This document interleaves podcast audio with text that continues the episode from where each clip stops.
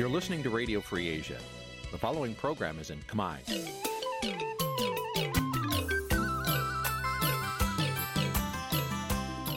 នេះជាកម្មវិធីផ្សាយ Vuthu Azizi Serai នេះជាកម្មវិធីផ្សាយរបស់ Vuthu Azizi Serai ជាភាសាខ្មែរ Vuthu Azizi Serai សូមស្វាគមន៍លោកអ្នកនាងទាំងអស់ពីរដ្ឋធានី Washington នៃសហរដ្ឋអាមេរិក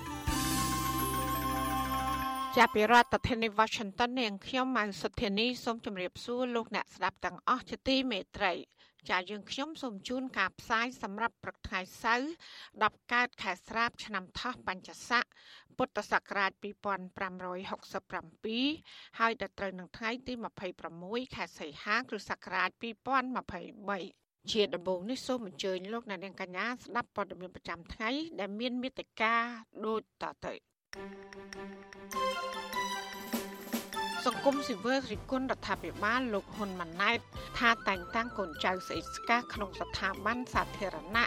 និងមានទីប្រឹក្សាជាង100នាក់សហជីពឯករាជ្យស្នើរដ្ឋាភិបាលថ្មីដំឡើងប្រាក់ឈ្នួលគោសំរុំជូនកម្មករនៅឆ្នាំ2024ស កម្មជនដីធ្លីបឹងតាមុខភៀសខ្លួនទៅក្រៅប្រទេស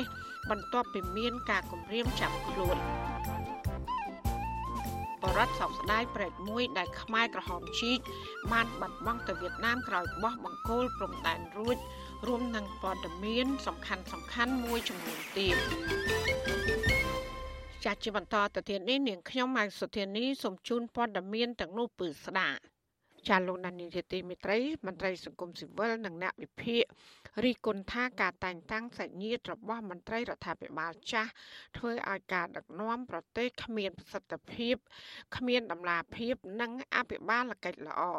ការរិះគន់នេះកើតមានឡើងក្រោយពីមន្ត្រីកម្ពុជាកម្ពុជារបស់បកកាន់អំណាចមិនត្រឹមតែចែកអំណាចដល់កូនចៅនៅតាមក្រសួងស្ថាប័នថ្នាក់ជាតិប៉ុណ្ណោះទេក៏ប៉ុន្តែពួកគេក៏បានចែកអំណាចឲ្យកូនចៅរហូតដល់ថ្នាក់ក្រោមជាតិនោះដែរចាប់ពីរដ្ឋធានី Washington លោកយ៉ងច័ន្ទតារារាយការណ៍ព័ត៌មាននេះមន្ត្រីសង្គមស៊ីវិលលើកឡើងថា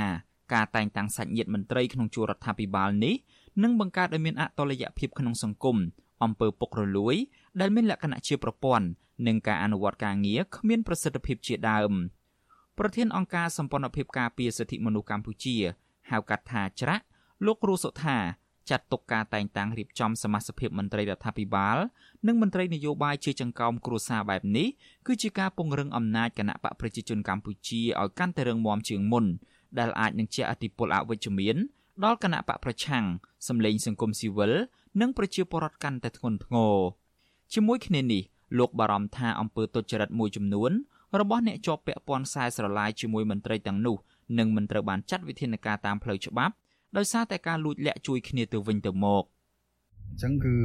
រចនាសម្ព័ន្ធសមាជិកបែបនេះវាមិនបានលើកកម្ពស់នៅគេហៅថាការធ្វើការឲ្យបានល្អប្រសើរទេទៅទៅវិញ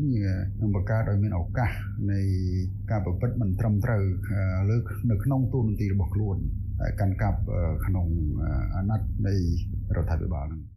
ប្រតិកម្មបែបនេះរបស់មន្ត្រីអង្គការសង្គមស៊ីវិលកើតមានឡើងក្រោយពេលដែលសមាជិករដ្ឋាភិបាល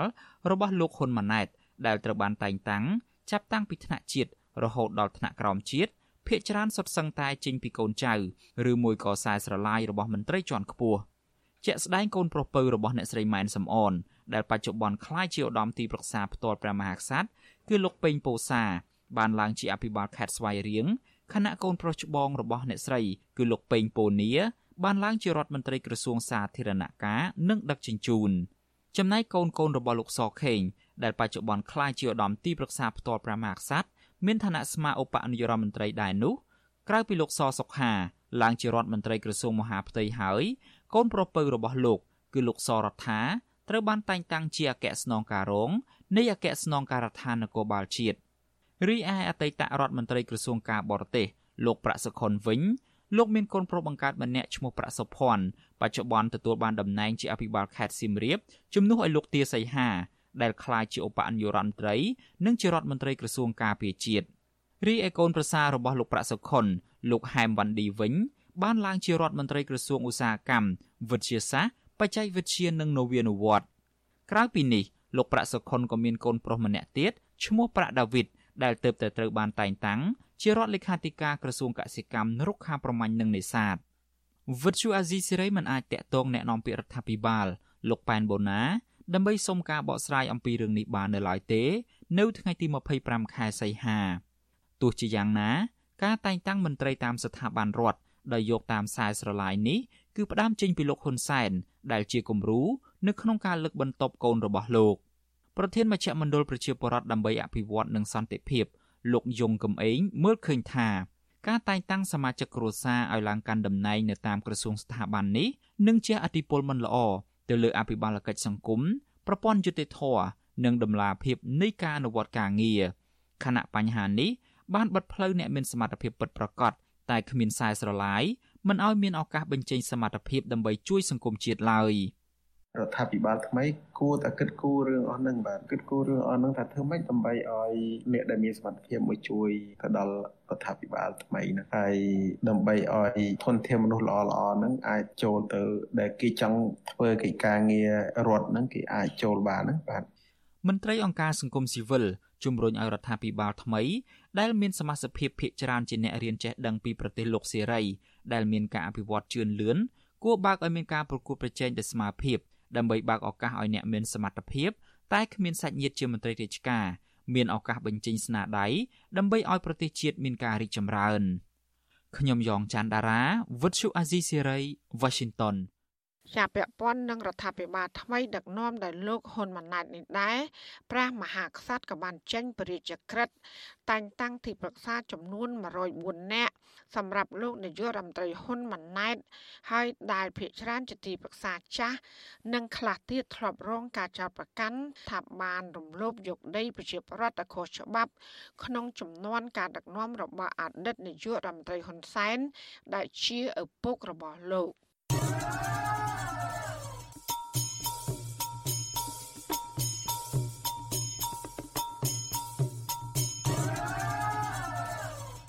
ចាក្រៅតែពីទីប្រឹក្សាលោកហ៊ុនម៉ាណែតជាង100នាក់ហើយលោកហ៊ុនម៉ាណែតក៏បានប្រកាសបង្កើនចំនួនសមាជិកឧត្តមក្រុមប្រឹក្សាពីគ្រោះនិងផ្ដល់យោបល់ច្រើនជាងអាណត្តិមុនទ្វេដងអ្នកខ្លំមើលលើកឡើងថាការបង្កើនចំនួនសមាជិកឧត្តមក្រុមប្រឹក្សាពិគ្រោះនិងផ្ដល់យោបល់ច្រើនសន្ធឹកសន្ធាប់បែបនេះគឺជាការចំណាយលុយជាតិរាប់សិបលានដុល្លារអាមេរិកឥតប្រយោជន៍លោកតារារាជសែនរាយការណ៍ព័ត៌មាននេះ អ្នកឃ្លាំមើលលើកឡើងថាឧត្តមក្រុមប្រឹក្សាពិគ្រោះនិងផ្ដល់យោបល់នៅអាណត្តិទី6និងអាណត្តិទី7នេះនឹងចំណាយលុយជាតិរាប់លានដុល្លារដូចគ្នាដោយមិនបានធ្វើសកម្មភាពការពារផលប្រយោជន៍ជាតិនិងប្រជាពលរដ្ឋនោះទេ អ្នកសិក្សាកិច្ចការសង្គមនិងនយោបាយលោកប៉ៅមករាលើកឡើងថាបារដ្ឋាភិបាលពិតចង់បានគំនិតច្រើនពីគ្រប់ភាគី ដើម្បីបង្កើតច្បាប់ ឬគោលនយោបាយផ្សេងផ្សេងសម្រាប់ដឹកនាំប្រទេសមែន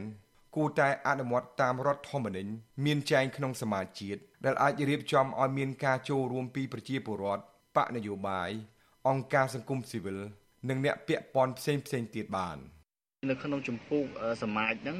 រាជរដ្ឋាភិបាលក៏ដូចជាអ្នកគណៈបដិកម្មអំណាចណាគួរតែពង្រឹងគួរតែយកអានីតិវិធីហ្នឹងយកមកអនុវត្តដើម្បីឲ្យមានសមត្ថភាពក្នុងការចូលរួមក្នុងការផ្ដល់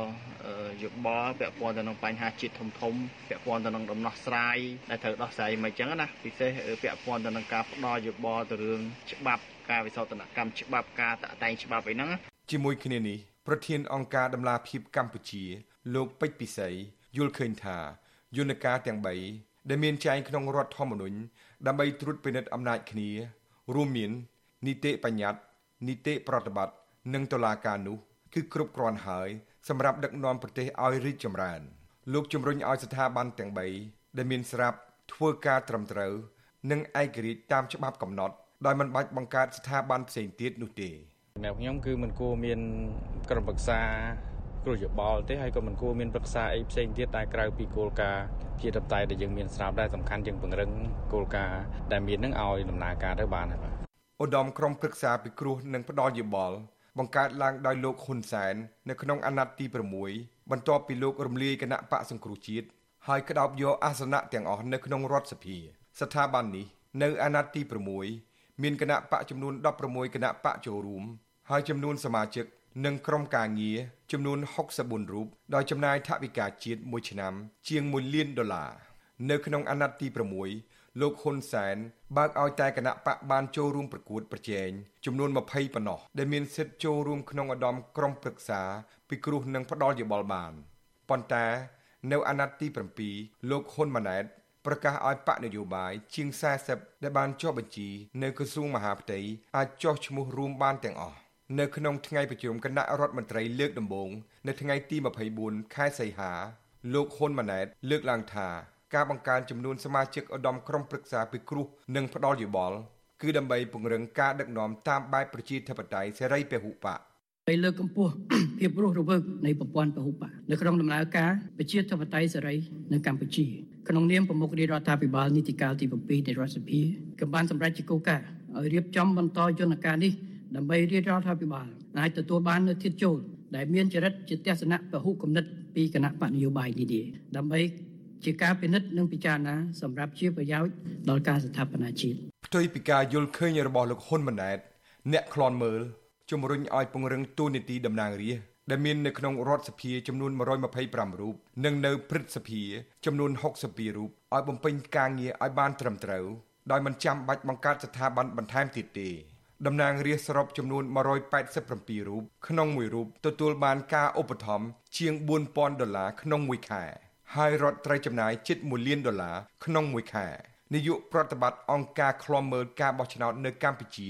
Netflix លោកសំគុណធីមី សង្កេតឃើញថាសមាជិកឧត្តមក្រុមប្រឹក្សាពិគ្រោះនិងផ្ដល់យោបល់នៅក្នុងអាណត្តិទី6កន្លងទៅមិនបានធ្វើអ្វីឲ្យចេញជាលទ្ធផលព្រោះពាក់ព័ន្ធសមត្ថភាព និងការភ័យខ្លាច មានការចោទប្រកាន់ផ្សេងផ្សេងលោកសំគុណធីមីបន្តថាតំណាងរាស្ត្រកាត់ឡើងដោយពលរដ្ឋបោះឆ្នោតឲ្យគួរតែពង្រឹងការងារឲ្យបានត្រឹមត្រូវចំណែកឧត្តមក្រុមប្រឹក្សាពិគ្រោះនិងផ្ដល់យោបល់គ្រាន់តែជាទូនីតិបង្កើតឡើងដើម្បីសម្របសម្រួលក្នុងហេតុផលនយោបាយតែប៉ុណ្ណោះខ្ញុំដារ៉ារីជីសែន With you Azisari ទីក្រុង Adelaide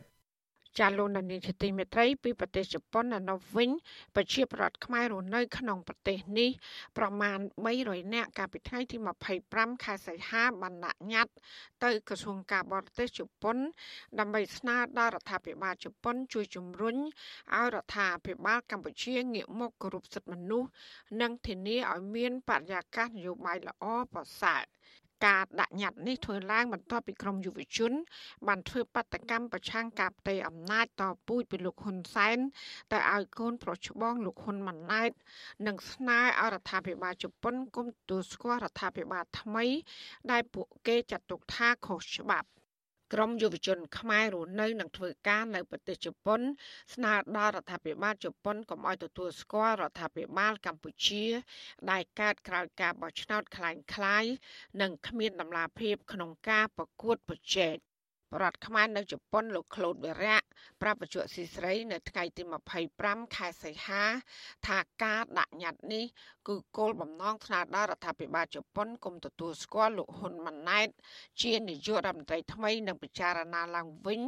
នៅជំនួយដែលផ្ដល់ដល់រដ្ឋាភិបាលកម្ពុជាជៀសវាងការផ្ដល់ជំនួយទាំងនោះ ទៅជាការពង្រឹងអំណាចដល់រដ្ឋាភិបាលកម្ពុជាទៅវិញ។ លោកគ្មានសង្ឃឹមថារដ្ឋាភិបាលថ្មីនឹងអាចធ្វើឲ្យកម្ពុជាមានសិទ្ធិត្រីភាពពេញលេញនោះទេពីព្រោះនៅក្នុងស្ថាប័នរដ្ឋសុទ្ធតែជាបពុរបស់ក្រុមគូសាលោកហ៊ុនសែននិងមន្ត្រីដែលស្និទ្ធនឹងគ្រួសារលោក។ ស្រាប់ហើយបច្ចុប្បន្នហ្នឹងគឺចិនហើយនឹងយួនឥឡូវគាត់បែរជាចង់ទៅគ្រប់គ្រងរុស្ស៊ីទៀតគឺពួកណែផ្ដាច់ការពួកកុម្មុយនីសអញ្ចឹងយើងមិនចង់ឲ្យប្រទេសកម្ពុជាយើងធ្លាក់នៅខាងរបបអស់ហ្នឹងទេយើងចង់ឲ្យមកនៅខាងរបបសេរីប្រជាធិបតេយ្យអញ្ចឹងយើងស្នើឲ្យជប៉ុនជួយអ្នកប្រជាធិបតេយ្យផងព្រោះក្នុងនាមប្រទេសជប៉ុនជាអ្នកប្រជាធិបតេយ្យដែរយើងកុំឲ្យប្រទេសកុម្មុយនីសផ្ដាច់ការហ្នឹងរីករាលនៅអាស៊ានអញ្ចឹងណា លោកក្លូតវិរៈបន្ថែមទៀតថាលោកបានជួបពិភាក្សាជាមួយមន្ត្រីរដ្ឋាភិបាលជប៉ុន ដើម្បីស្នើឲ្យជួយសម្រួលដល់សកម្មជននយោបាយដែលបានភៀសខ្លួនមកប្រទេសជប៉ុន និងជជែកពីបញ្ហាការរដ្ឋបិទសិទ្ធិមនុស្សការធ្វើទុកបុកម្នេញលើសកម្មជននយោបាយនិងការចាប់ខ្លួនបរិវត្តស្លូតត្រង់ដាក់ពន្ធនាគារជាដើម ការដាក់ញត្តិនេះគឺមានសម្លេងគាំទ្រពីក្រមយុវជនខ្មែរនៅជប៉ុនជិត300នាក់ក្រោយពេលដែលពួកគេកាលពីថ្ងៃទី20ខែសីហាកន្លងទៅនេះ បានធ្វើបដកម្មប្រឆាំងនឹងការផ្ទេរអំណាចពីឪពុកទៅកូន និងការមិនទទួលស្គាល់លោកហ៊ុនម៉ាណែតជានាយករដ្ឋមន្ត្រីស្តៀងគ្នានេះដែរបរដ្ឋខ្មែរនៅប្រទេសជប៉ុនម្នាក់ទៀត គឺលោកស្រីម៉ូរីបូរ៉ាឲ្យដឹងដែរថាលោកស្រីចង់ឃើញកម្ពុជាមានការគោរពសិទ្ធិមនុស្សដូចជានៅប្រទេសជប៉ុននិងបើកទូលាយឲ្យប្រជាពលរដ្ឋមានសិទ្ធិសេរីភាពបញ្ចេញមតិស្របតាមច្បាប់រដ្ឋធម្មនុញ្ញលោកស្រីបារម្ភថាសេដ្ឋកិច្ចកម្ពុជានឹងកាន់តែដុនដាបបរដ្ឋជំពាក់ធនាគារវ៉ាន់កប៉ះសិនបារដ្ឋាភិបាលថ្មី នៅតែដើរតាមកន្លងចាស់ដូចជាឪពុករបស់លោក។ ពួកយើងនៅតែបន្តធ្វើកិច្ចការងាររហូតដោយសារយើងគិតថាការធ្វើនឹងវានឹងមានផលប្រយោជន៍ក៏ដូចជាក្តីសង្ឃឹមសម្រាប់ប្រជាពលរដ្ឋខ្មែរក៏ដូចជាអ្នកប្រជាធិបតេយ្យគាត់មិនអាចណោបដៃនៅនាមឈរមើលទេអញ្ចឹងយើងនៅតែបដិញ្ញាចិត្តតស៊ូក្នុងនាមយើងជាខ្មែរដែលគិតពីប្រទេសជាតិក៏ដូចជាមាតុភូមិដ៏កំសត់របស់យើងថាដល់ដំណាក់កាលណាទេយើងនៅតែមានជីវិតធ្វើការតស៊ូ បច្ចុប្បន្នស៊ីស្រីមិនអាចតកតងអ្នកនាំពាក្យរដ្ឋាភិបាលលោកប៉ែនប៊ូណា និងអ្នកនាំពាក្យគណៈបកប្រជាជនកម្ពុជា លោកសុកអេសាន ដើម្បីសុំការបកស្រាយជំវិញបញ្ហានេះបានទេនៅថ្ងៃទី25ខែសីហាតេតិននឹងបញ្ហានេះដែរនាយកទទួលបន្ទុកកិច្ចការទូតនៃអង្គការលីកាដូលោកអំសំអាតមានប្រសាសន៍ថាការដាក់ញត្តិរបស់ក្រមបរដ្ឋខ្មែរនៅប្រទេសជប៉ុននេះគឺជាសិទ្ធិសេរីភាព។ ដូច្នេះរដ្ឋាភិបាលគួរតែបើកលំហសិទ្ធិសេរីភាពដើម្បីអាចឲ្យបរដ្ឋអនុវត្តសិទ្ធិរបស់ពួកគាត់បានពេញលេញក្នុងគោលការណ៍លទ្ធិប្រជាធិបតេយ្យការគោរពនៅគោលការណ៍នៃសិទ្ធិសេរីភាពក្នុងការបញ្ចេញមតិការជួបជុំការប្រមូលផ្ដុំសន្តិធិប្រជាពលរដ្ឋវាជារឿងមួយដែលត្រូវធានាដោយរដ្ឋក៏ដូចជាត្រូវមានការគោរពទៅតាមគោលការណ៍នៃរដ្ឋធម្មនុញ្ញណា ក្រមយុវជនទទូចដល់រដ្ឋាភិបាលកម្ពុជាឲ្យងាកមកស្ដារលទ្ធិប្រជាធិបតេយ្យនិងបើកលំហសិទ្ធិនយោបាយឲ្យមានការចូលរួមប្រកួតប្រជែងដ៏ស្មើមុខស្មើមាត់ឡើងវិញ ដើម្បីកុំឲ្យស្ថានភាពសិទ្ធិមនុស្សកាន់តែអាក្រក់និងបញ្ជាការដាក់ទណ្ឌកម្មសេដ្ឋកិច្ចពីបណ្ដាប្រទេសលោកសេរី។ លោកនានីជាទីមេត្រីដំណើរធាននឹងស្ដាប់ការផ្សាយរបស់វិទ្យុអសីស្រីតាមបណ្ដាញសង្គម Facebook YouTube និង Telegram លោកនាងក៏អាចស្ដាប់ការផ្សាយរបស់យើង តាមរលក ធាតុអាកាសខ្លីឬ Shortwave តាមកម្រិតនិងកម្ពស់ដូចតទៅចាប់ពីព្រឹកចាប់ពីម៉ោង5កន្លះដល់ម៉ោង6កន្លះតាមរយៈប៉ុស SW 12.14 MHz ស្មើនឹងកម្ពស់ 25m និងប៉ុស SW 13.71 MHz ស្មើនឹងកម្ពស់ 22m ចាសម្រាប់ពេលយប់វិញគឺចាប់ពីម៉ោង7កន្លះដល់ម៉ោង8កន្លះគឺតាមរយៈប៉ុស SW 9.33 MHz ស្មើនឹងកម្ពស់ 32m ប៉ុស SW 11.88 MHz ស្មើនឹងកម្ពស់ 25m និងប៉ុស SW 12.15 MHz ស្មើនឹងកម្ពស់ 25m ចាសសូមអរគុណ ចាលោកនាងជាទីមេត្រីដំណឹងដាច់ដライតកតងនឹងប្រាក់ខែរបស់កម្មករវិញ សហជីពឯករាជ្យជំរុញរដ្ឋាភិបាលថ្មីដំឡើងប្រាក់ឈ្នួលគោលចំនួនជាង220ដុល្លារអាមេរិកជូនដល់កម្មករនៅឆ្នាំ2024ទើបពួកគាត់ឲ្យរស់នៅសំរុំស្របពេលដែលកម្ពុជា កំពុងប្រឈមនឹងអតិផរណៈ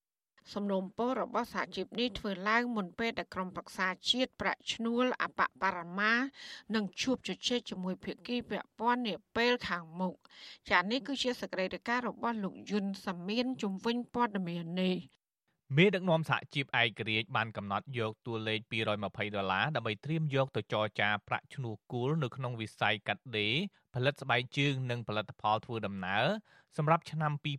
2024 នៅក្នុងកិច្ចប្រជុំក្រុមប្រឹក្សាជាតិប្រាក់ឈ្នួលអបបរមាដែលមានត្រីភាគីគឺភាគីរដ្ឋាភិបាលនយោជកនិងភាគីសហជីពតំណាងឲ្យកម្មករនៅពេលខាងមុខនេះសហជីពកំណត់តួលេខនេះបានមកពីលទ្ធផលនៃការស្រាវជ្រាវ7ចំណុចដូចជាការចំណាយនៅក្នុងការរស់នៅរបស់កម្មករអត្រាអតិផរណាស្ថានភាពគ្រួសារផលិតភាពភាពប្រកួតប្រជែងទីផ្សារនិងចុងក្រោយកម្រិតប្រាក់ចំណេញ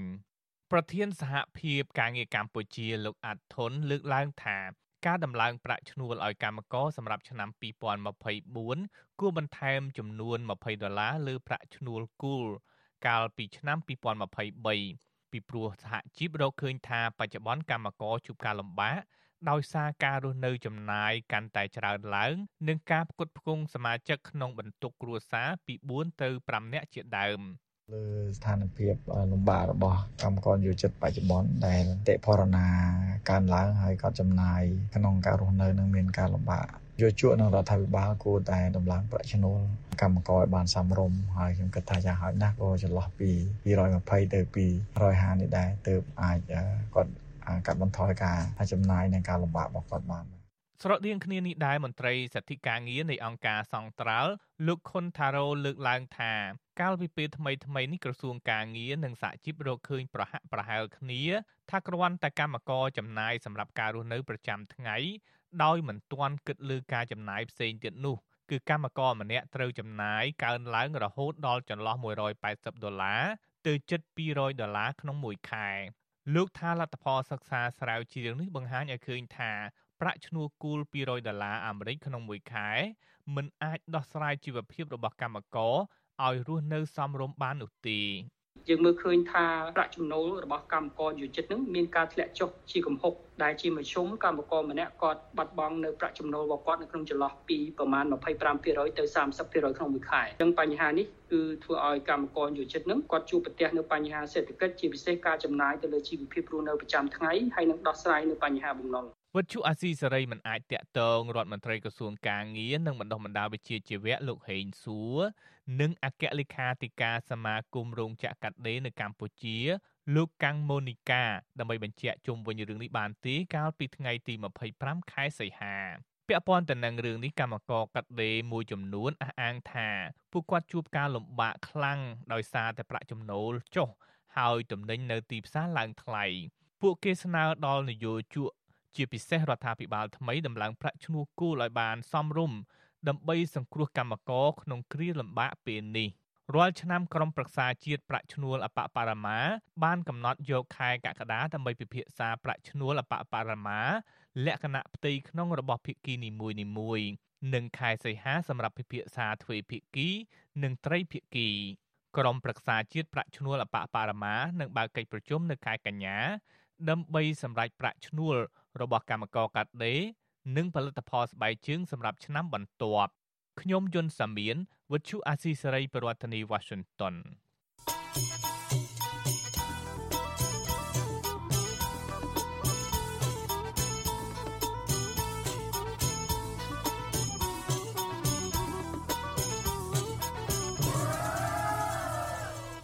ចាលោកនាងជាទីមេត្រីសកម្មជនដីធ្លីបឹងតមុកម្នាក់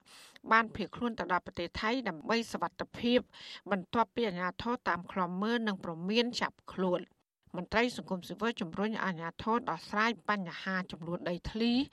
នៅបឹងតាមុកជាជាងបន្តគម្រាមកំហែងប្រជាពលរដ្ឋដែលបានតវ៉ាទាមទាររឿងដីធ្លី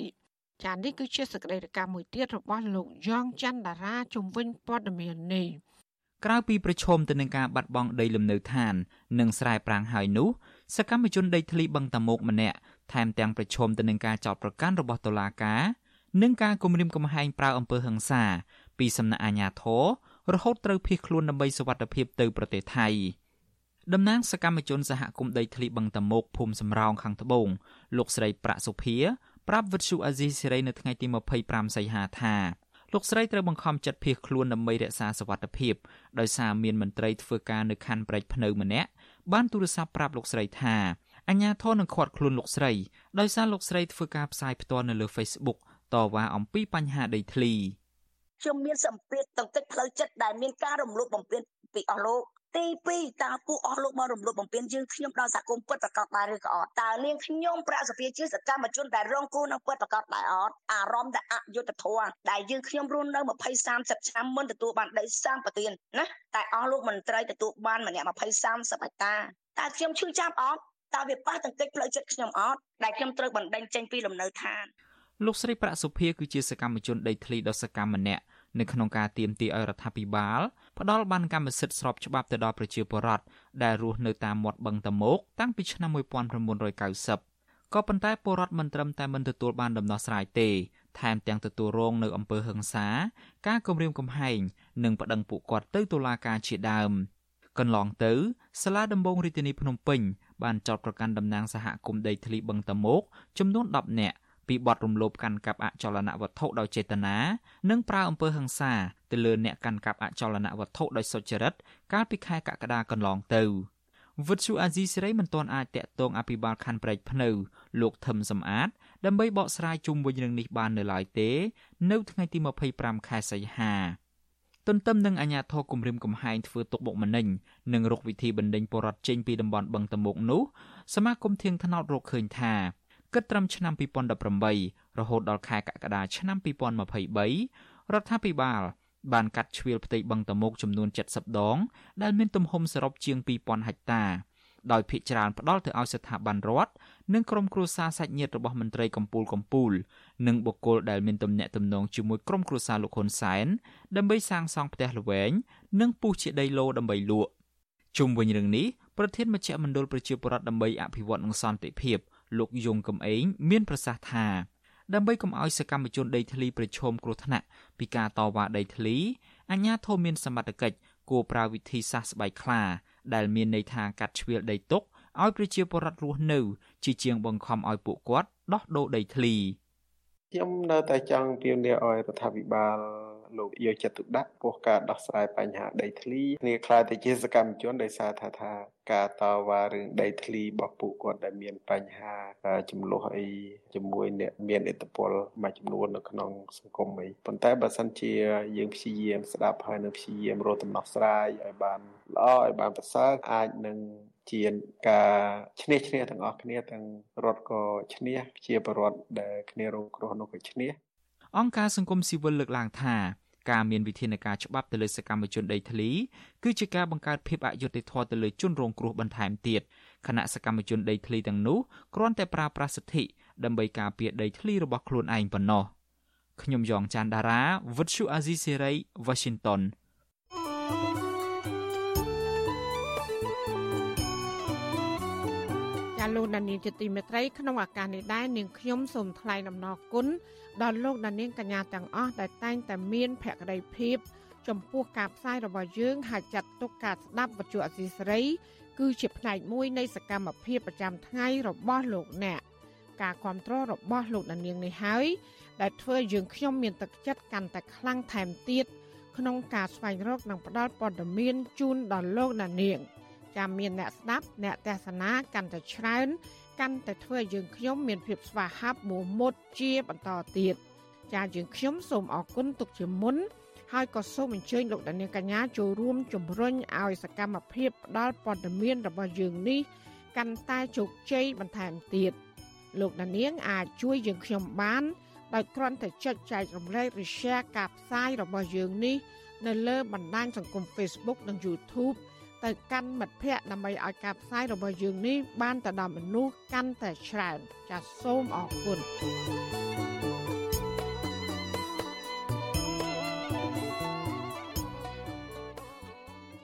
ចាលោកដានៀងកញ្ញាកំពុងស្ដាប់ការផ្សាយរបស់វិទ្យុអសីស្រីផ្សាយចេញពីរដ្ឋធានី Washington នៅឯខេត្តកំពង់ឆ្នាំងឯនោះវិញ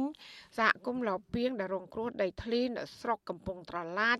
អះអាងថាអាជ្ញាធរមូលដ្ឋាននៅតែតាមដានឃ្លាំមើលពជាសហគមន៍ជាប្រចាំនៅពេលដែលពួកគេមានការជួបជុំ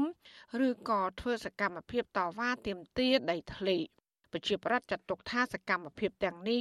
គឺជាការបំបិទសិទ្ធិរបស់ពលរដ្ឋចាទោះយ៉ាងណាមេឃុំតាចេះបដិសេធ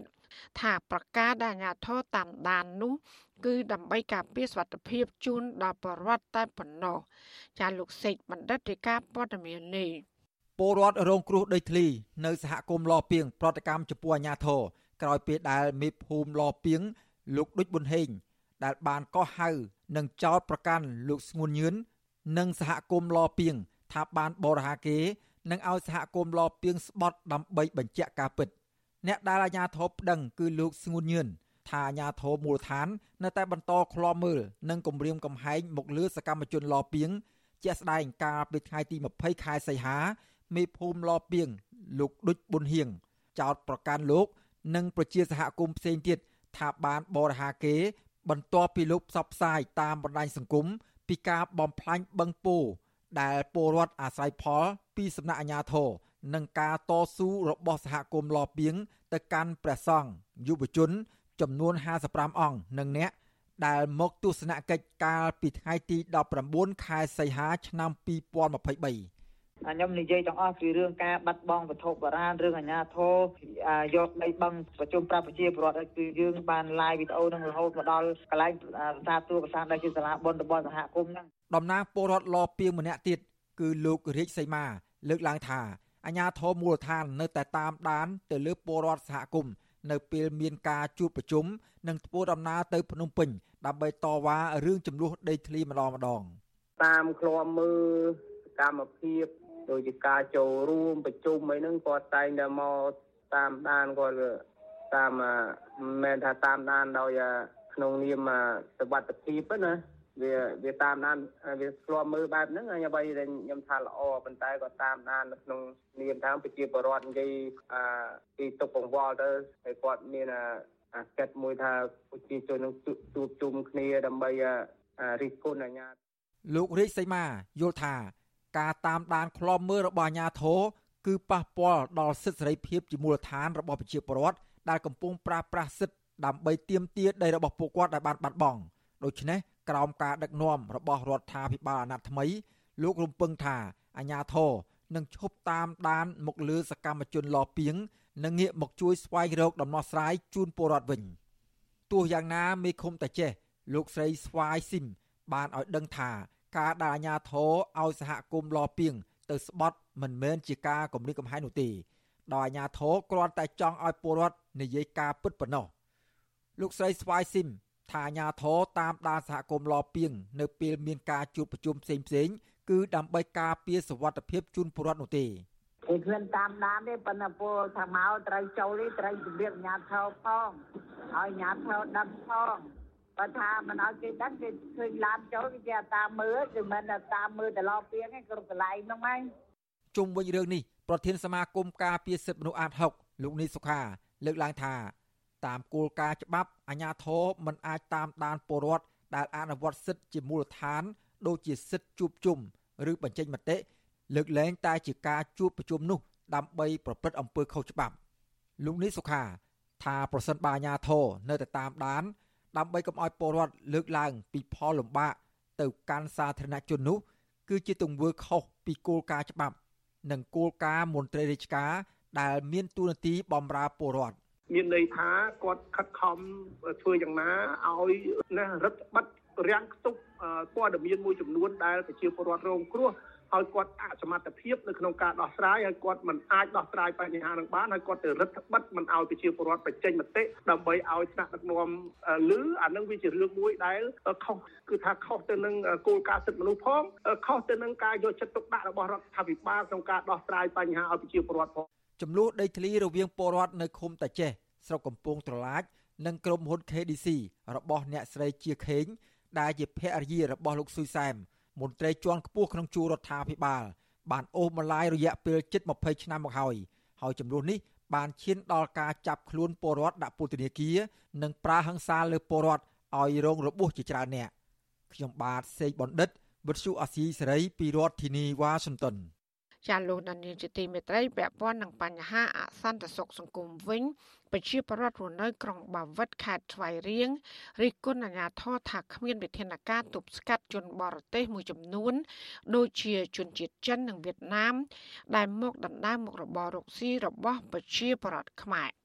បរដ្ឋមូលដ្ឋានក៏ព្រួយបារម្ភការកើនឡើងបញ្ហាអសន្តិសុខសង្គម ដែលបង្កឡើងដោយជនជាតិចិននិងវៀតណាមនោះដែរពីព្រោះពួកគេប្រើកំភ្លើងបាញ់បោះសេរីនិងបញ្ហាជួញដូរគ្រឿងញៀន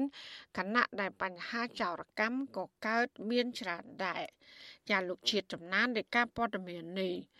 ជនបរទេសភៀសច្រើនជាជនជាតិចិននិងវៀតណាមកំពុងដណ្ដើមមុខរបររកស៊ីរបស់ពលរដ្ឋខ្មែរម្ចាស់ស្រុកដោយសារតែជនបរទេសមួយចំនួនទាំងនោះចូលមកធ្វើចំនួនអាជីវកម្មទាំងខ្នាតធំខ្នាតតូចរាប់ទាំងការរត់តាក់ស៊ីបើកហាងទូរស័ព្ទ ហាងលក់ម្ហូបអាហារនិងហាងផឹកស៊ីនាពេលរាត្រីជាដើមម្ចាស់ផ្ទះជួលម្នាក់នៅក្រុងបាវិតលោកសុកលីប្រាប់វិទ្យុអស៊ីសេរីនៅថ្ងៃទី25ខែសីហាថាអ្នកជួលផ្ទះលោកភាគច្រើនជាជនជាតិចិនឥណ្ឌូនេស៊ីនិងវៀតណាមប៉ុន្តែលោកព្រួយបារម្ភអំពីការប្រឈមបិទទ្វារផ្ទះជួលរបស់លោកដោយសារតែជនជាតិចិនមួយចំនួនបានចែកចាយគ្រឿងញៀនដោយសេរីហើយជនជាតិវៀតណាមខ្លះទៀតបានចាប់បង្ខាំងមនុស្សចម្រិតទារប្រាក់លោករិះគន់ថាវិធានការទប់ស្កាត់ជនបរទេសរបស់អាជ្ញាធរគ្មានប្រសិទ្ធភាពនោះឡើយគណៈប្រជាពលរដ្ឋនៅតែត្អូញត្អែ ពីការរកប្រាក់ចំណូលមិនសូវកាក់កបនិងព្រួយបារម្ភអំពីការកើនឡើងនៃបញ្ហាចោរកម្មឆក់ប្លន់និងកោះផ្ទះសម្បែងរបស់ពលរដ្ឋជាដើម។ ដូចជាខ្ញុំអាជីវករអីលក់ដូរអីចឹងពេលខ្លះយើងលក់វាមិនតាន់គេចឹងណាដោយសារគេវាចិនគេមានតាក់ទងញៀវរបស់គេវាចិនហើយគេមិនសូវទិញរបស់យើងទេទូរស័ព្ទក៏គេលក់ដែរអងៃគេលក់គ្រប់ជែងគេលក់ដែរហ្នឹងបាទចឹងបានបើម្នាក់គាត់តវ៉ាហ្នឹងគាត់ចង់គាត់ចង់និយាយថាចិនមកដដើមុខរបរខ្មែរអស់ដូចជាមុខរបរលក់ទូរស័ព្ទលក់កុំព្យូទ័របើកម៉ាតបើកអីពេញហ្នឹងចំណែកអាជីវករម្នាក់ទៀតដែលរស់នៅក្នុងក្រុងបាវិតថ្លែងសូមមិនបញ្ចេញឈ្មោះ បញ្ជាក់ថាលោកមិនសប្បាយចិត្តចំពោះជនបរទេសមួយចំនួនដែលចូលមករកស៊ីដណ្ដើមមុខរបរពលរដ្ឋម្ចាស់ស្រុកបែបនេះឡើយលោកបញ្ជាក់ថារបរផ្នែកលក់គ្រឿងអេឡិចត្រូនិកនិងទូរស័ព្ទក៏រកចំណូលមិនសូវបានដូចមុននោះទេខណៈជនជាតិចិនខ្លះបានបើកហាងលក់ទូរស័ព្ទធំធំដែរមិនតែប៉ុណ្ណោះលោកបញ្ជាក់ថាការដែលជនជាតិចិននៅវៀតណាមបើកហាងជួបជុំផឹកស៊ីកាន់តែច្រើនបណ្ដាលឲ្យកើតមានបញ្ហាអសន្តិសុខសង្គមជាបន្តបន្ទាប់ដូចជាករណីជួញដូរគ្រឿងញៀនការប្រើប្រាស់កំភ្លើងបាញ់បោះគ្នាតាមទីសាធារណៈនិងការបង្ខាំងមនុស្សចម្រិតទារប្រាក់ជាដើម។ មួយវិញទៀតរឿងក្រមជនជាតិចិនមួយចំនួនក៏ដើមមុខរបរខ្មែរដូចជាគាត់បើកហាងទូរស័ព្ទគាត់បើកម៉ាគាត់បើកផ្សារផ្សារគាត់មានលក់សាច់មានលក់គ្រឿងស្អីមកសពរបស់គាត់ហ្មងរាល់ថ្ងៃគាត់បើកសឹងមុខរបរខ្មែរ80%គឺគាត់ត្រូវទៅដើមយកអស់ហើយរដ្ឋាភិបាលយើងគឺអសមត្ថភាពទាំងថ្នាក់លើដល់រហូតដល់ថ្នាក់ក្រោមជានិយាយមកខ្លីគាត់គឺបើតាមខ្ញុំដឹងរឿងខ្លះខ្លាំងគឺគាត់មានទទួលពីសំណុកទុកប៉ាន់ឆ្លើយតបនឹងបញ្ហានេះអ្នកនាំពាក្យសាលាខេត្តស្វាយរៀងលោកចិនសាធាន ប្រាប់វិទ្យុអស៊ីសេរីថានៅក្រុងបាវិតមិនមានបញ្ហាអសន្តិសុខកើតមានឡើងដូចជាពលរដ្ឋបានលើកឡើងនោះទេលោកក៏មិនបានបញ្ជាក់អំពីការចុះត្រួតពិនិត្យទៅលើអាជីវកម្មជនបរទេសទាំងនោះគណៈលោកអះអាងថាក្នុងប្រទេសគឺជាទីផ្សារសេរីតែងតែមានការលក់ដូរប្រកួតប្រជែងការលក់ដូរប្រកួតប្រជែងក្នុងសេដ្ឋកិច្ចទីផ្សារសេរីជារឿងធម្មតាទេតែងតែមានការប្រកួតប្រជែងអញ្ចឹងហើយមិនត្រឹមតែពលរដ្ឋរស់នៅក្នុងស្វាយរៀងត្អូញត្អែចំពោះជនបរទេសមួយចំនួន ចូលមកដណ្ដើមមុខរបរតូចតាចរបស់ពួកគាត់ប៉ុណ្ណោះទេពលរដ្ឋអ្នករត់តាក់ស៊ីនិងអ្នកប្រកបអាជីវកម្មក្រៅប្រព័ន្ធនៅក្រុងប៉ោយប៉ែតនិងក្រុងកំពង់សោមក៏ត្រូវបានជនជាតិចិនខ្លះដណ្ដើមមុខរបរពួកគាត់ដែរជុំវិញរឿងនេះនាយកទទួលបន្ទុកកិច្ចការទូតនៃអង្គការសិទ្ធិមនុស្សលីកាដូលោកអំសំអាតមានប្រសាសន៍ថារដ្ឋាភិបាលគួរតែអនុវត្តនូវគោលការណ៍នយោបាយលើកកម្ពស់ជីវភាព និងផ្ដល់កិច្ចគាំពារដល់អ្នករកស៊ីក្រៅប្រព័ន្ធឲ្យមានប្រសិទ្ធភាពជាងពេលបច្ចុប្បន្ននិងដោះស្រាយបញ្ហាអសន្តិសុខឲ្យមានប្រសិទ្ធភាពវាជាការពិតនៅពេលដែលឥឡូវយើងឃើញថាជនបរទេសមួយចំនួនហើយចូលមកស្រុកខ្មែរហ្នឹងមានប្រើប្រាស់អាវុធបាញ់បោះដោយសេរីឯតែបង្កភាពភ័យខ្លាចដល់បងប្អូនជាពលរដ្ឋឡើងហ្នឹងដែលអាជ្ញាធរត្រូវចាត់វិធានការឲ្យបានតឹងរ៉ឹងពលរដ្ឋនៅក្នុងប្រវត្តិលើកឡើងថាអាជ្ញាធរខេត្តស្វាយរៀងគួរទទួលស្គាល់ការពិតអំពីការកើនឡើងបញ្ហាចោរកម្ម និងបញ្ហាជនបរទេសខ្លះដែលចូលមកដណ្ដើមរបររកស៊ីពលរដ្ឋដើម្បីចាត់វិធានការដោះស្រាយឲ្យមានប្រសិទ្ធភាពជាជាងបដិសេធមិនអើពើក្នុងការដោះស្រាយដែលធ្វើឲ្យបាត់បង់ផលប្រយោជន៍ពលរដ្ឋម្ចាស់ស្រុកខ្ញុំបាទជាតិចំណាន Visual History ប្រធានាទី Washington លោកដានៀងជាទីមេត្រីសកម្មជនបពប្រឆាំងដែលកំពុងភៀសខ្លួននៅប្រទេសថៃបារម្ភពីសវត្ថិភាពជាថ្មីក្រោយដែលប្រទេសថៃ មានរដ្ឋាភិបាលថ្មីដែលមានទំនាក់ទំនងជិតស្និទ្ធជាមួយរដ្ឋាភិបាលក្រុងភ្នំពេញ។ មន្ត្រីសិទ្ធិមនុស្សចង់ឃើញរដ្ឋាភិបាលកម្ពុជា បញ្ឈប់ការធ្វើទុកបុកម្នេញលើអ្នកនយោបាយបកប្រឆាំងសូមស្ដាប់សេចក្តីរាយការណ៍របស់លោកលេងម៉ាលីជំវិញបញ្ហានេះមន្ត្រីជាន់ខ្ពស់គណៈបកសង្គ្រោះជាតិប្រចាំខេត្តកំពង់ឆ្នាំងដែលកំពុងភៀសខ្លួននៅប្រទេសថៃលោកដួងចន្ទ្រាសង្កេតឃើញថារដ្ឋាភិបាលថៃថ្មីមានទំនាក់ទំនងជិតស្និទ្ធជាមួយរដ្ឋាភិបាលក្រុងភ្នំពេញ ដែលទំនាក់ទំនងនេះបង្កភាពងាយស្រួលដល់រដ្ឋាភិបាលកម្ពុជាក្នុងការចាប់ខ្លួនសកម្មជនគណបកប្រឆាំងនៅទឹកដីថៃជនភៀសខ្លួនផ្នែកនយោបាយរូបនេះចង់ឃើញឧត្តមស្នងការអង្គការសហប្រជាជាតិទទួលបន្ទុកជនភៀសខ្លួននៅប្រទេសថៃនិងអង្គការសង្គមស៊ីវិលពាក់ព័ន្ធបង្កើនការយកចិត្តទុកដាក់អំពីសុវត្ថិភាពជនភៀសខ្លួននៅប្រទេសថៃ។ ខ្ញុំបាទជាជនភៀសខ្លួននយោបាយដែលរត់គេចពីរបបផ្ដាច់ការហ៊ុនសែននេះធ្វើឲ្យមានការបារម្ភយ៉ាងខ្លាំងព្រោះពីមុនមកយើងឃើញថាមានការគំរាមកំហែងតាមចាប់សកម្មជនយើងពិសេសផុតរូបខ្ញុំនេះមកដល់ប្រទេសថៃទៀតតែឥឡូវនេះរដ្ឋាភិបាលថ្មីនេះគឺជារដ្ឋាភិបាលមួយដែលស្និទ្ធបំផុតជាមួយនឹងលោកហ៊ុនសែនអញ្ចឹងធ្វើឲ្យការបារម្ភរបស់មានកើនឡើងទ្វេដងស្រដៀងគ្នានេះដែរសកម្មជននយោបាយគណៈបកភ្លើងទៀនកញ្ញាគៀតកញ្ញា ដែលរត់គេចពីការធ្វើទុកបុកម្នេញពីរដ្ឋាភិបាលកម្ពុជានឹងទើបតែមកដល់ប្រទេសថៃកាលពីពេលថ្មីៗនេះលើកឡើងថាប្រទេសថៃគួរតែជាកន្លែងមានសុវត្ថិភាពប៉ុន្តែកញ្ញាក៏សម្គាល់ថានៅរយៈពេលចុងក្រោយនេះប្រទេសថៃលែងជាទីកន្លែងមានសុវត្ថិភាពសម្រាប់ជនភៀសខ្លួនបកប្រឆាំងទៀតហើយកញ្ញាបន្តថាមូលហេតុដែលធ្វើឲ្យកញ្ញាបារម្ភនោះព្រោះសកម្មជនគណបកប្រឆាំងដែលកំពុងភៀសខ្លួននៅប្រទេសថៃតែងតែរងការធ្វើទុកបុកម្នេញ វាមានការព្រួយបារម្ភចំណុចហ្នឹងដែរដូចអញ្ចឹងគេធ្វើអីយើងអត់ដឹងទេហើយយើងមិនមែនថាមានការប្រុងប្រយ័ត្នរហូតណាយើងក៏ត្រូវការទៅនេះទៅនោះយើងធ្វើអីមិនមែនយើងអាចនៅសង្ងំហើយនៅខាងក្នុងអញ្ចឹងណាបងនៅពេលរដ្ឋាភិបាលកម្ពុជាធ្វើទុកបុកម្នេញលើអ្នកនយោបាយបកប្រឆាំងមិនបន្ធូរដៃយ៉ាងហោចណាស់សកម្មជនគណៈបកសង្គ្រោះជាតិនិងសកម្មជនគណៈបកភ្លើងទៀនចំនួន42នាក់បានរត់ភៀសខ្លួនទៅប្រទេសថៃដើម្បីគេចចេញពីការវាយធ្វើបាបឬចាប់ដាក់ពន្ធនាគារ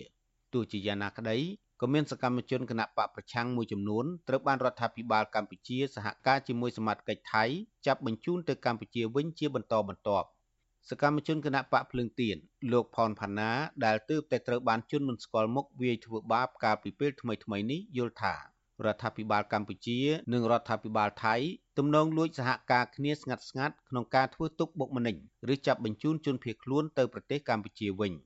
លោកផនផាណាចង់ឃើញអង្គការសង្គមស៊ីវិលពាក់ព័ន្ធជំរុញទៅរដ្ឋាភិបាលថៃឲ្យគោរពសិទ្ធិជនភៀសខ្លួនគណៈប្រទេសថៃបានអនុញ្ញាតឲ្យមានការិយាល័យឧត្តមស្នងការអង្គការសហប្រជាជាតិទទួលបន្ទុកជនភៀសខ្លួនមានវត្តមាននៅក្នុងប្រទេសរបស់ខ្លួន។ ការដែលទទួលជនភៀសខ្លួនយកមកហើយនៅតែអត់សុវត្ថិភាពដដែលអាហ្នឹង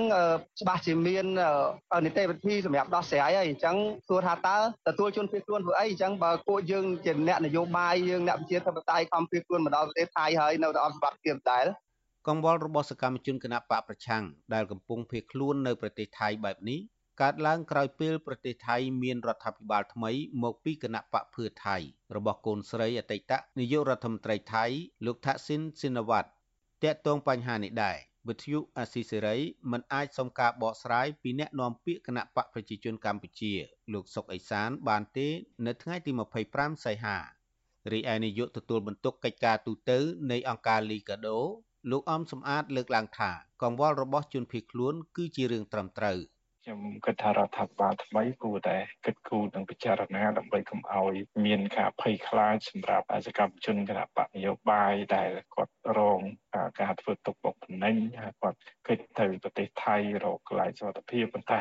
យើងឃើញទៅដល់នោះហើយមានសកម្មជនខ្លះត្រូវមានគេវិដំអីបន្តទៀតអានឹងវាជាលទ្ធផលមិនល្អទេសម្រាប់កម្ពុជាយើងណាគឺត្រឹមរយៈពេល4ខែចុងក្រោយនេះ យ៉ាងហោចណាស់សកម្មជនគណបកប្រឆាំងដែលភៀសខ្លួននៅប្រទេសថៃចំនួន3នាក់រងការធ្វើទុកបុកម្នេញក្នុងនោះសកម្មជនគណបកភ្លើងទៀន2រូបត្រូវសមត្ថកិច្ចថៃចាប់ខ្លួនតែត្រូវបានឧត្តមស្នងការអង្គការសហប្រជាជាតិទទួលបន្ទុកជនភៀសខ្លួននៅប្រទេសថៃជួយទាន់ពេលវេលា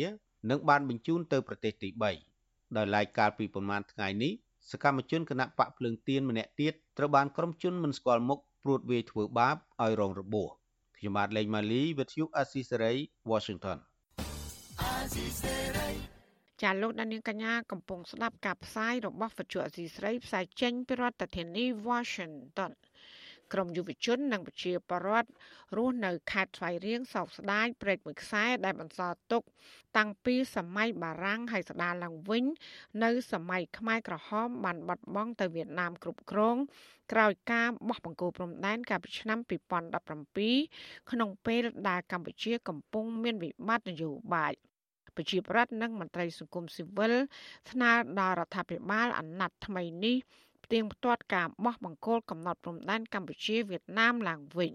ចាសសេចក្តីរាយការណ៍ពីស្ដាមពីរឿងនេះលោកណានៀងនឹងបានស្ដាប់នាពេលបន្តិចទៀតនេះ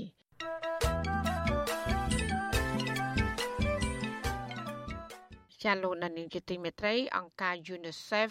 និងអង្គការទស្សនវិភពលោកអន្តរជាតិជំរុញឲ្យមានការអនុវត្តវិធានការជាបន្ទាន់ដើម្បីកាត់បន្ថយអត្រាធ្លាក់ចុះនៃការបំបៅកូនដោយទឹកដោះម្ដាយនៅកម្ពុជា សេចក្តីប្រកាសព័ត៌មានរួមរបស់អង្គការអន្តរជាតិទាំងពីរនេះកាលពីថ្ងៃទី25ខែសីហាឲ្យដឹងថាស្ថិតិស្រាវជ្រាវកាលពីអំឡុងឆ្នាំ2021-2022បានបង្ហាញថាការបំបើកូនដោយទឹកដោះម្ដាយក្រោយទារកសម្រាប់ភ្លាមបានថយចុះពី66%មក54%វិញ ខណៈដែលការបំបើកូនដោយទឹកដោះម្ដាយតែមួយមុខគត់រយៈពេល6ខែដំបូងរបស់ទារកក៏បានថយចុះពី74%មកត្រឹម50%ផងដែរមូលហេតុដែលបណ្ដាលឲ្យមានការធ្លាក់ចុះការបំបើកូនដោយទឹកដោះម្ដាយនេះដោយសារការបន្តផ្សព្វផ្សាយយ៉ាងគំហុក នៃផលិតផលម្សៅទឹកដោះគោកង្វះការយល់ដឹងអំពីអត្ថប្រយោជន៍នៃការបំបើកូនដោយទឹកដោះម្ដាយនិងការគ្រប់គ្រងតិចតួចដល់ម្ដាយដែលកំពុងបំបើដោះកូននៅពេលដែលពួកគេចូលធ្វើការវិញនាយកអង្គការ UNICEF ប្រចាំប្រទេសកម្ពុជាលោកបណ្ឌិត Will Park ឲ្យដឹងថាទឹកដោះម្ដាយមានសារៈសំខាន់ណាស់ ដើម្បីការពារកុមារពីជំងឺដំកាត់នានា និងជួយឲ្យកុមារគ្រប់រូបអាចលូតលាស់បានយ៉ាងល្អក្លាយជាមនុស្សពេញវ័យនិងមានសុខភាពល្អមាំមួន។ UNICEF និងដៃគូសូមអំពាវនាវឲ្យភាគីពាក់ព័ន្ធចាត់វិធានការជាក់លាក់ដើម្បីស្រោចស្រង់ការថយចុះនៃការបំបើកូនដល់ទឹកដោះម្ដាយតាមរយៈការបង្កើត នៅបរិយាកាសកាន់តែប្រសើរដើម្បីឲ្យសហគមន៍ក្រុមគូសានិងឪពុកម្ដាយជួយសម្រួលដល់ការបំបើកដោះកូនដល់ទឹកដោះម្ដាយនិងដើម្បីអាចឲ្យម្ដាយបំបើកូនរបស់ខ្លួន នៅកន្លែងធ្វើការរបស់ម្ដាយជាដើម thank you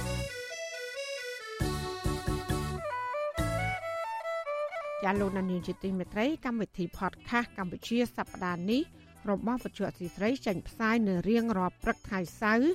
នៃសប្តាហ៍នីមួយៗមកនៅប្រទេសកម្ពុជា កម្មវិធីនេះរៀបចំដោយនាយកនិងនាយករងនៃកម្មវិធីការផ្សាយរបស់វិទ្យុអសីស្រីជាភាសាខ្មែរគឺលោកសំពូលីនិងលោកជុនច័ន្ទបុតចាសសូមប្រិយមិត្តស្វែងរកនិងស្ដាប់ podcast របស់យើង នៅលើកម្មវិធី podcast របស់ Apple, Google និង Spotify ដោយគ្រាន់តែសរសេរពាក្យថាកម្ពុជាសប្តាហ៍នេះឬ Cambodia This Week ដោយក្នុងប្រអប់ស្វែងរកតែយើងក៏នឹងចាប់ផ្សាយ podcast នេះឡើងវិញនៅក្នុងការផ្សាយផ្ទាល់របស់យើងតាមបណ្ដាញសង្គម Facebook, YouTube និង Telegram នៅរៀងរាល់យប់ថ្ងៃច័ន្ទចាសសូមអរគុណ ចាលោកនានីជាទីមេត្រីពាក់ព័ន្ធនឹងបរដ្ឋខ្មែរក្រៅមកនោះវិញប្រជាបរដ្ឋខ្មែរក្រៅនៅប្រទេសកាណាដាប្រមាណ100នាក់កាលពីថ្ងៃទី25ខែសីហាម្សិលមិញ បានធ្វើបាតកម្មទាមទាររដ្ឋាភិបាលវៀតណាមដោះលែងសកម្មជនសិទ្ធិមនុស្សខ្មែរក្រៅចំនួន4នាក់ ពួកគេមួយចំនួនបានជួបជុំគ្នានៅទីក្រុងត្រនតូដើម្បីឡើងជិះរថយន្តក្រុងរួមគ្នា ទៅកាន់រាជធានីអូតាវ៉ាហើយពួកគេមួយចំនួនទៀតធ្វើដំណើរមកពីទីក្រុងនានារួមមានទីក្រុងម៉ុងរ៉េអាល់ជាដើម។ តំណាងសហព័ន្ធខ្មែរកម្ពុជាក្រោមប្រចាំខេត្ត Ontario លោកស្រីថាច់សុជាតាប្រាប់បច្ចុប្បន្នស៊ីស្រី នៅថ្ងៃទី25ខែសីហា ថាគោលបំណងនៃការធ្វើបាតកម្មនេះ គឺដើម្បីទាមទាររដ្ឋាភិបាលវៀតណាមដោះលែងសកម្មជនសិទ្ធិមនុស្សខ្មែរក្រោមចំនួន4នាក់ឲ្យមានសេរីភាពឡើងវិញ។ លោកស្រីបន្ថែមថាបដកម្មនេះក៏ទាមទារឲ្យរដ្ឋាភិបាលវៀតណាមគ្រប់សិទ្ធិមនុស្សជាពិសេសគឺគ្រប់សិទ្ធិជនជាតិដើមភាគតិចខ្មែរក្រោមចាដូចអ្នកនៅ Washington DC គេធ្វើហើយនឹងនៅតាមប្រទេសផ្សេងផ្សេងគេធ្វើគឺមានគោលបំណងតែមួយគឺចង់ទាមទារឲ្យរដ្ឋាភិបាលវៀតណាមនឹងគោរព សិទ្ធិមនុស្សចាហើយទី2ទៀតគឺដោះលែងសកម្មជនរបស់យើងដែលពួកគាត់អត់មានកំហុសទេពួកគាត់គ្រាន់តែបោះពុំផ្សាយសិភៅសិទ្ធិមនុស្សជនជាតិដើមរបស់អង្គការសហប្រជាជាតិតែប៉ុណ្ណោះចាអាញាធរវៀតណាមបានចាប់ឃុំខ្លួននិងគម្រាមកំហែងសកម្មជនសិទ្ធិមនុស្សខ្មែរក្រោមចំនួន9នាក់ កាលពីថ្ងៃទី31ខែកក្កដាក្រោមការចោទប្រកាន់ពីបទកេងចំណេញលើសិទ្ធិសេរីភាព និងលទ្ធិប្រជាធិបតេយ្យបំពានលើផលប្រយោជន៍របស់រដ្ឋនិងសិទ្ធិសេរីភាពស្របច្បាប់ នៃអង្គការចាត់តាំងបុគ្គលតាមមាត្រា331នៃក្រមព្រហ្មទណ្ឌរបស់ប្រទេសវៀតណាមក្រោយពីការខាត់ខ្លួននិងសួរនាំអាញាធរបានដោះលែងពួកគេឲ្យមានត្រីភាពវិញ ក៏ប៉ុន្តែនៅបន្តឃុំខ្លួនសកម្មជនសិទ្ធិមនុស្សខ្មែរក្រោមចំនួន4នាក់នៅឡើយក្រុមបដកថាប្រជាប្រដ្ឋខ្មែរក្រោមនៅទូទាំងពិភពលោកនឹងមិនបញ្ឈប់សកម្មភាពធ្វើបដកម្មតវ៉ារបស់ពួកគេនោះឡើយពួកគេនឹងបន្តធ្វើបដកម្មដូចជាភ្លៀងរលឹមនៅតាមបណ្ដារដ្ឋនិងនៅប្រទេសផ្សេងៗទៀតនៅក្នុងពិភពលោក ជាប្រជាប្រដ្ឋខ្មែរក្រោមនឹងធ្វើបដកម្មនៅទីក្រុង San Francisco នៅសហរដ្ឋអាមេរិកនៅថ្ងៃទី1ខែកញ្ញានិងនៅអឺរ៉ុបគឺនៅទីក្រុងឡាអេនៃប្រទេសហូឡង់នៅថ្ងៃទី2ខែកញ្ញាខាងមុខដើម្បីបន្តការទាមទារឲ្យអាជ្ញាធរវៀតណាមដោះលែងសកម្មជនទាំងនោះ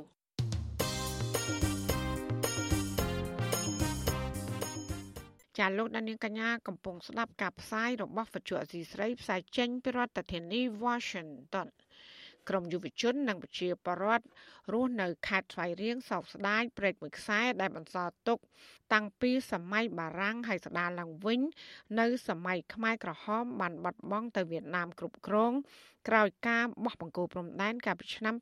2017ក្នុងពេលដែលកម្ពុជាកំពុងមានវិបត្តិនយោបាយ ប្រជាប្រដ្ឋនិងមន្ត្រីសង្គមស៊ីវិលស្នើដល់រដ្ឋាភិបាលអាណត្តិថ្មីនេះផ្ទៀងផ្ទាត់ការបោះបង្គោលកំណត់ព្រំដែនកម្ពុជាវៀតណាមឡើងវិញចាប់ពីរដ្ឋធានី Washington អ្នកស្រីស្ងួនអមរារាយការណ៍ពុស្ដាជំនាញព័ត៌មាននេះដូចតទៅព្រែកមួយខ្សែមានប្រវែងទទឹងចន្លោះជាង20ម៉ែត្រដល់ជាង40ម៉ែត្របណ្ដោយជាង100គីឡូម៉ែត្រ ស្ថិតក្នុងខេត្តព្រៃវែងនិងខេត្តស្វាយរៀងត្រូវបានពលរដ្ឋនិងយុវជនអះអាងថា បានរបូតទៅវៀតណាម បន្ទាប់ពីរដ្ឋាភិបាលកម្ពុជា និងវៀតណាម បានឯកភាពគ្នាដោយស្ងាត់ស្ងាត់កំណត់ខណ្ឌសីមាព្រំដែនតាមបណ្ដោយដងព្រែកនេះកាលពីឆ្នាំ2017ព្រែកនេះ ត្រូវបានរដ្ឋាភិបាលវៀតណាមគ្រប់គ្រងទាំងស្រុងនៅរយៈពេលជាង6ឆ្នាំចុងក្រោយនេះដោយវៀតណាមបានប្រើប្រាស់ព្រែកនេះធ្វើនាវាចរដឹកទំនិញនិងកសិផលមកលក់នៅកម្ពុជារីឯអាជ្ញាធរនៃប្រទេសទាំងពីរបានជីកផ្លូវក្រវ៉ាត់ព្រំដែនរួចរាល់ហើយដែរក្នុងរយៈពេល3ឆ្នាំកន្លងទៅនេះ ពលរដ្ឋខ្មែររស់នៅតំបន់នោះភាគច្រើនមិនហ៊ានតវ៉ានិងរិះគន់បញ្ហានេះទេខ្លាចមានបញ្ហាដល់ខ្លួននិងក្រុមគ្រួសារពលរដ្ឋខ្មែររស់នៅក្បែរព្រំដែនថ្លែងសុំមិនបញ្ចេញឈ្មោះប្រាប់វិទ្យុអាស៊ីសេរីថាបច្ចុប្បន្នវៀតណាមបានចាត់ទុកព្រែកមួយខ្សែនេះជារបស់ខ្លួនហើយបញ្ជូនប្រជាជនគេមករស់នៅច្រើនស្អេកស្កះតាមបណ្ដោយព្រំដែនលោកស្រីថាព្រំដែនចាស់កន្លងទៅស្ថិតនៅឆ្ងាយពីព្រែកនេះជាច្រើនគីឡូម៉ែត្រ ពីមុនមិនគោនៅត្រឹមហ្នឹងអញ្ចឹងតាមខ្ញុំធ្លាប់ឃើញអញ្ចឹងតែជាខិតមកដល់ហ្នឹងអញ្ចឹងគោនឹងតំបោះតំបោះដែរពីមុនហូសស្ពានហ្នឹងហូសស្ពានហ្នឹងហូសអឺកន្លែងប៉ុស្តិ៍វៀតណាមរងថ្ងៃអញ្ចឹងទៅបងទៀតទៅតាមមុនដីហ្នឹងប្រែកហ្នឹងគេអត់នេះនឹងដាក់ជីកដីដាក់ខណ្ឌអញ្ចឹងទេពីមុនធំជាងហ្នឹងដល់ពេលគេចាប់ដើមបោះបកគោលខ្មែរយើងព្រំដែនហ្នឹងបានគេចាប់ដើមធ្វើប៉ុស្តិ៍ថ្មីនឹងឯកប្រែកហ្នឹងទៅរងថ្ងៃអញ្ចឹង ព្រែកសម័យបារាំងមួយខ្សែនេះប្រវែងជាង100គីឡូម៉ែត្រលាតសន្ធឹងពីខេត្តព្រៃវែងរហូតទល់នឹងខេត្តស្វាយរៀងឆ្លងកាត់ស្រុកស្វាយជ្រុំនិងក្រុងស្វាយរៀងអ្នកស្រុកខ្លះបានហៅព្រែកនេះថាព្រែកតែអងហើយកាលពីសម័យប៉ុលពត អ្នកភូមិបានជីកស្ដារព្រែកនេះឲ្យជ្រៅងាយស្រួលធ្វើកសិកម្មនិងទាញទឹកប្រើប្រាស់ជាដើម យុវជនរស់នៅរាជធានីភ្នំពេញលោកសៀងរក្សា ស្នើឲ្យរដ្ឋាភិបាលអាណត្តិថ្មី បើកចិត្តទូលាយអនុញ្ញាតយុវជន ចូលរួមតាមដានពីការបោះបង្គោលព្រំដែនដើម្បីស្វែងយល់ពីបូរណភាពទឹកដី លោកសង្កេតឃើញថាការបោះបង្គោលព្រំដែនកន្លងទៅ មានការលាក់បាំងច្រើន វាព័ត៌មានអត់ឃើញច្បាស់ការឃើញបង្ហាញជាសាធារណៈដល់ប្រជាពលរដ្ឋដល់យុវជនទេខ្ញុំក៏នៅសង្ស័យថាការបោះបកគោព្រំព្រំដែននេះគឺលក្ខណៈមិនត្រូវទៅតាមច្បាប់ត្រូវទៅតាមផ្ទៃដីផ្ទៃកាឡាឆ្លើយតបរឿងនេះអ្នកនាំពាក្យសាលាខេត្តស្វាយរៀងលោករស់សុផារិតប្រាប់វិទ្យុអាស៊ីសេរីថាខេត្តស្វាយរៀង នៅមិនតាន់បោះបង្គោលព្រំដែនរួចរាល់នៅឡើយទេ នៅសេសសល់តិចតួចក៏ប៉ុន្តែ លោកមិនបញ្ជាក់លម្អិតថាតំបន់ដែលមិនតាន់កំណត់ព្រំដែនរួចស្ថិតក្នុងស្រុកណានោះឡើយលោកបដិសេធមិនអត្ថាធិប្បាយចំពោះការបោះបង្គោលព្រំដែនដែលធ្វើឲ្យខ្មែរបាត់បង់ព្រែកមួយខ្សែទៅវៀតណាមដោយលោកថា ជាភារកិច្ចរបស់គណៈកម្មការព្រំដែន យើងកំពុងតែភាសាគ្នាមិនទាន់មានការឯកភាពគ្នា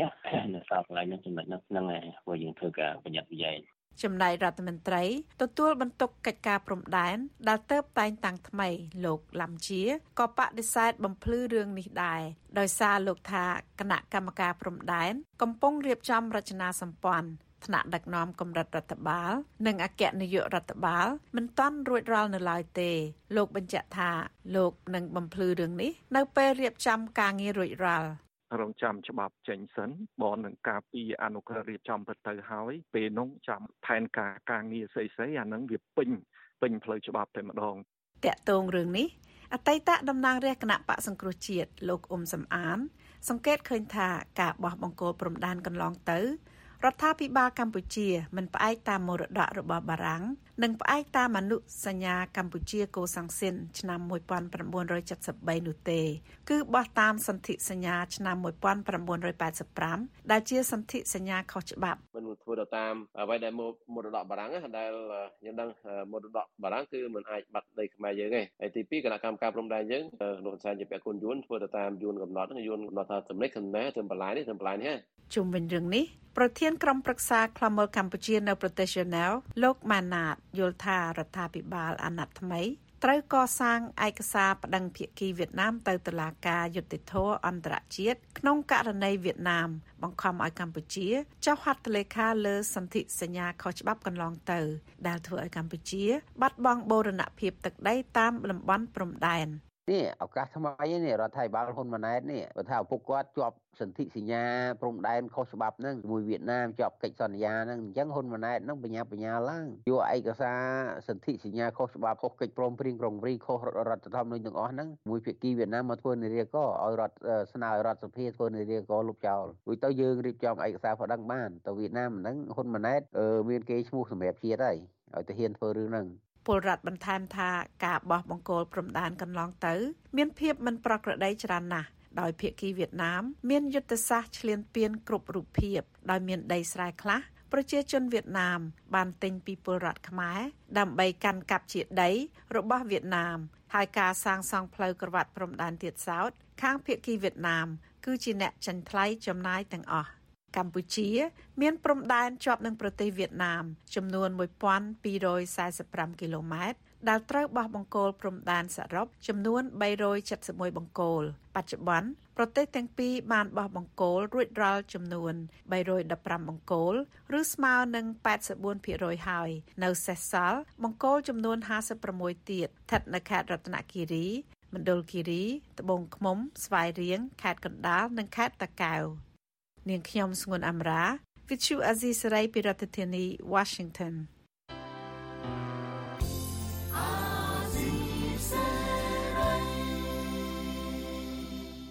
ចាលោកលានាងកញ្ញាអ្នកស្ដាប់ជាទីមេត្រីការផ្សាយរយៈពេល1ម៉ោងរបស់វិទ្យុអាស៊ីស្រីជាភាសាខ្មែរនៅពេលនេះចាប់តែប៉ុណ្ណេះចាយើងខ្ញុំទាំងអស់គ្នាសូមជូនពរលោកលានាងនិងក្រុមគ្រួសារទាំងអស់ សូមជួបប្រកបតែនឹងសេចក្តីសុខសេចក្តីចម្រើន ជានិរន្តរ៍ចានាងខ្ញុំម៉ៅសុធានីព្រមទាំងក្រុមការងារទាំងអស់របស់អាស៊ីស្រីសូមអរគុណនិងសូមជម្រាបលា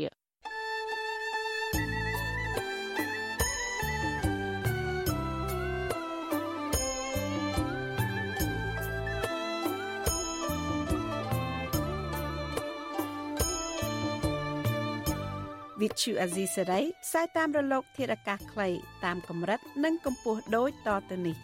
ពេលព្រឹកចាប់ពីម៉ោង5កន្លះដល់ម៉ោង6កន្លះតាមរយៈប៉ុស SW 12.14 MHz ស្មើនឹងកម្ពស់ 25m និងប៉ុស SW 13.71 MHz ស្មើនឹងកម្ពស់ 22m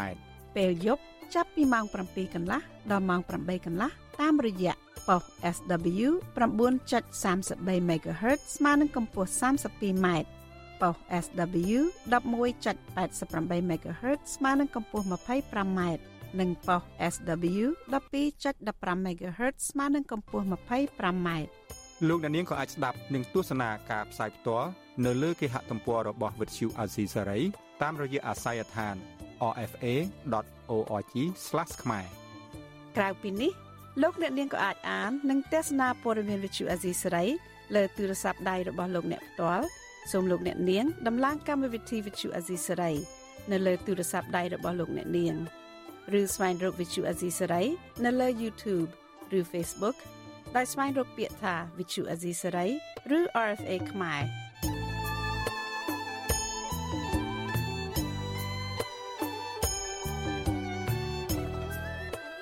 សូមលោកអ្នកនាងចុច like follow និងចុច subscribe ដើម្បីទទួលបានព័ត៌មានថ្មីៗទាន់ហេតុការណ៍ និងទស្សនាវីដេអូផ្សេងៗទៀតបានគ្រប់ពេលវេលា thank you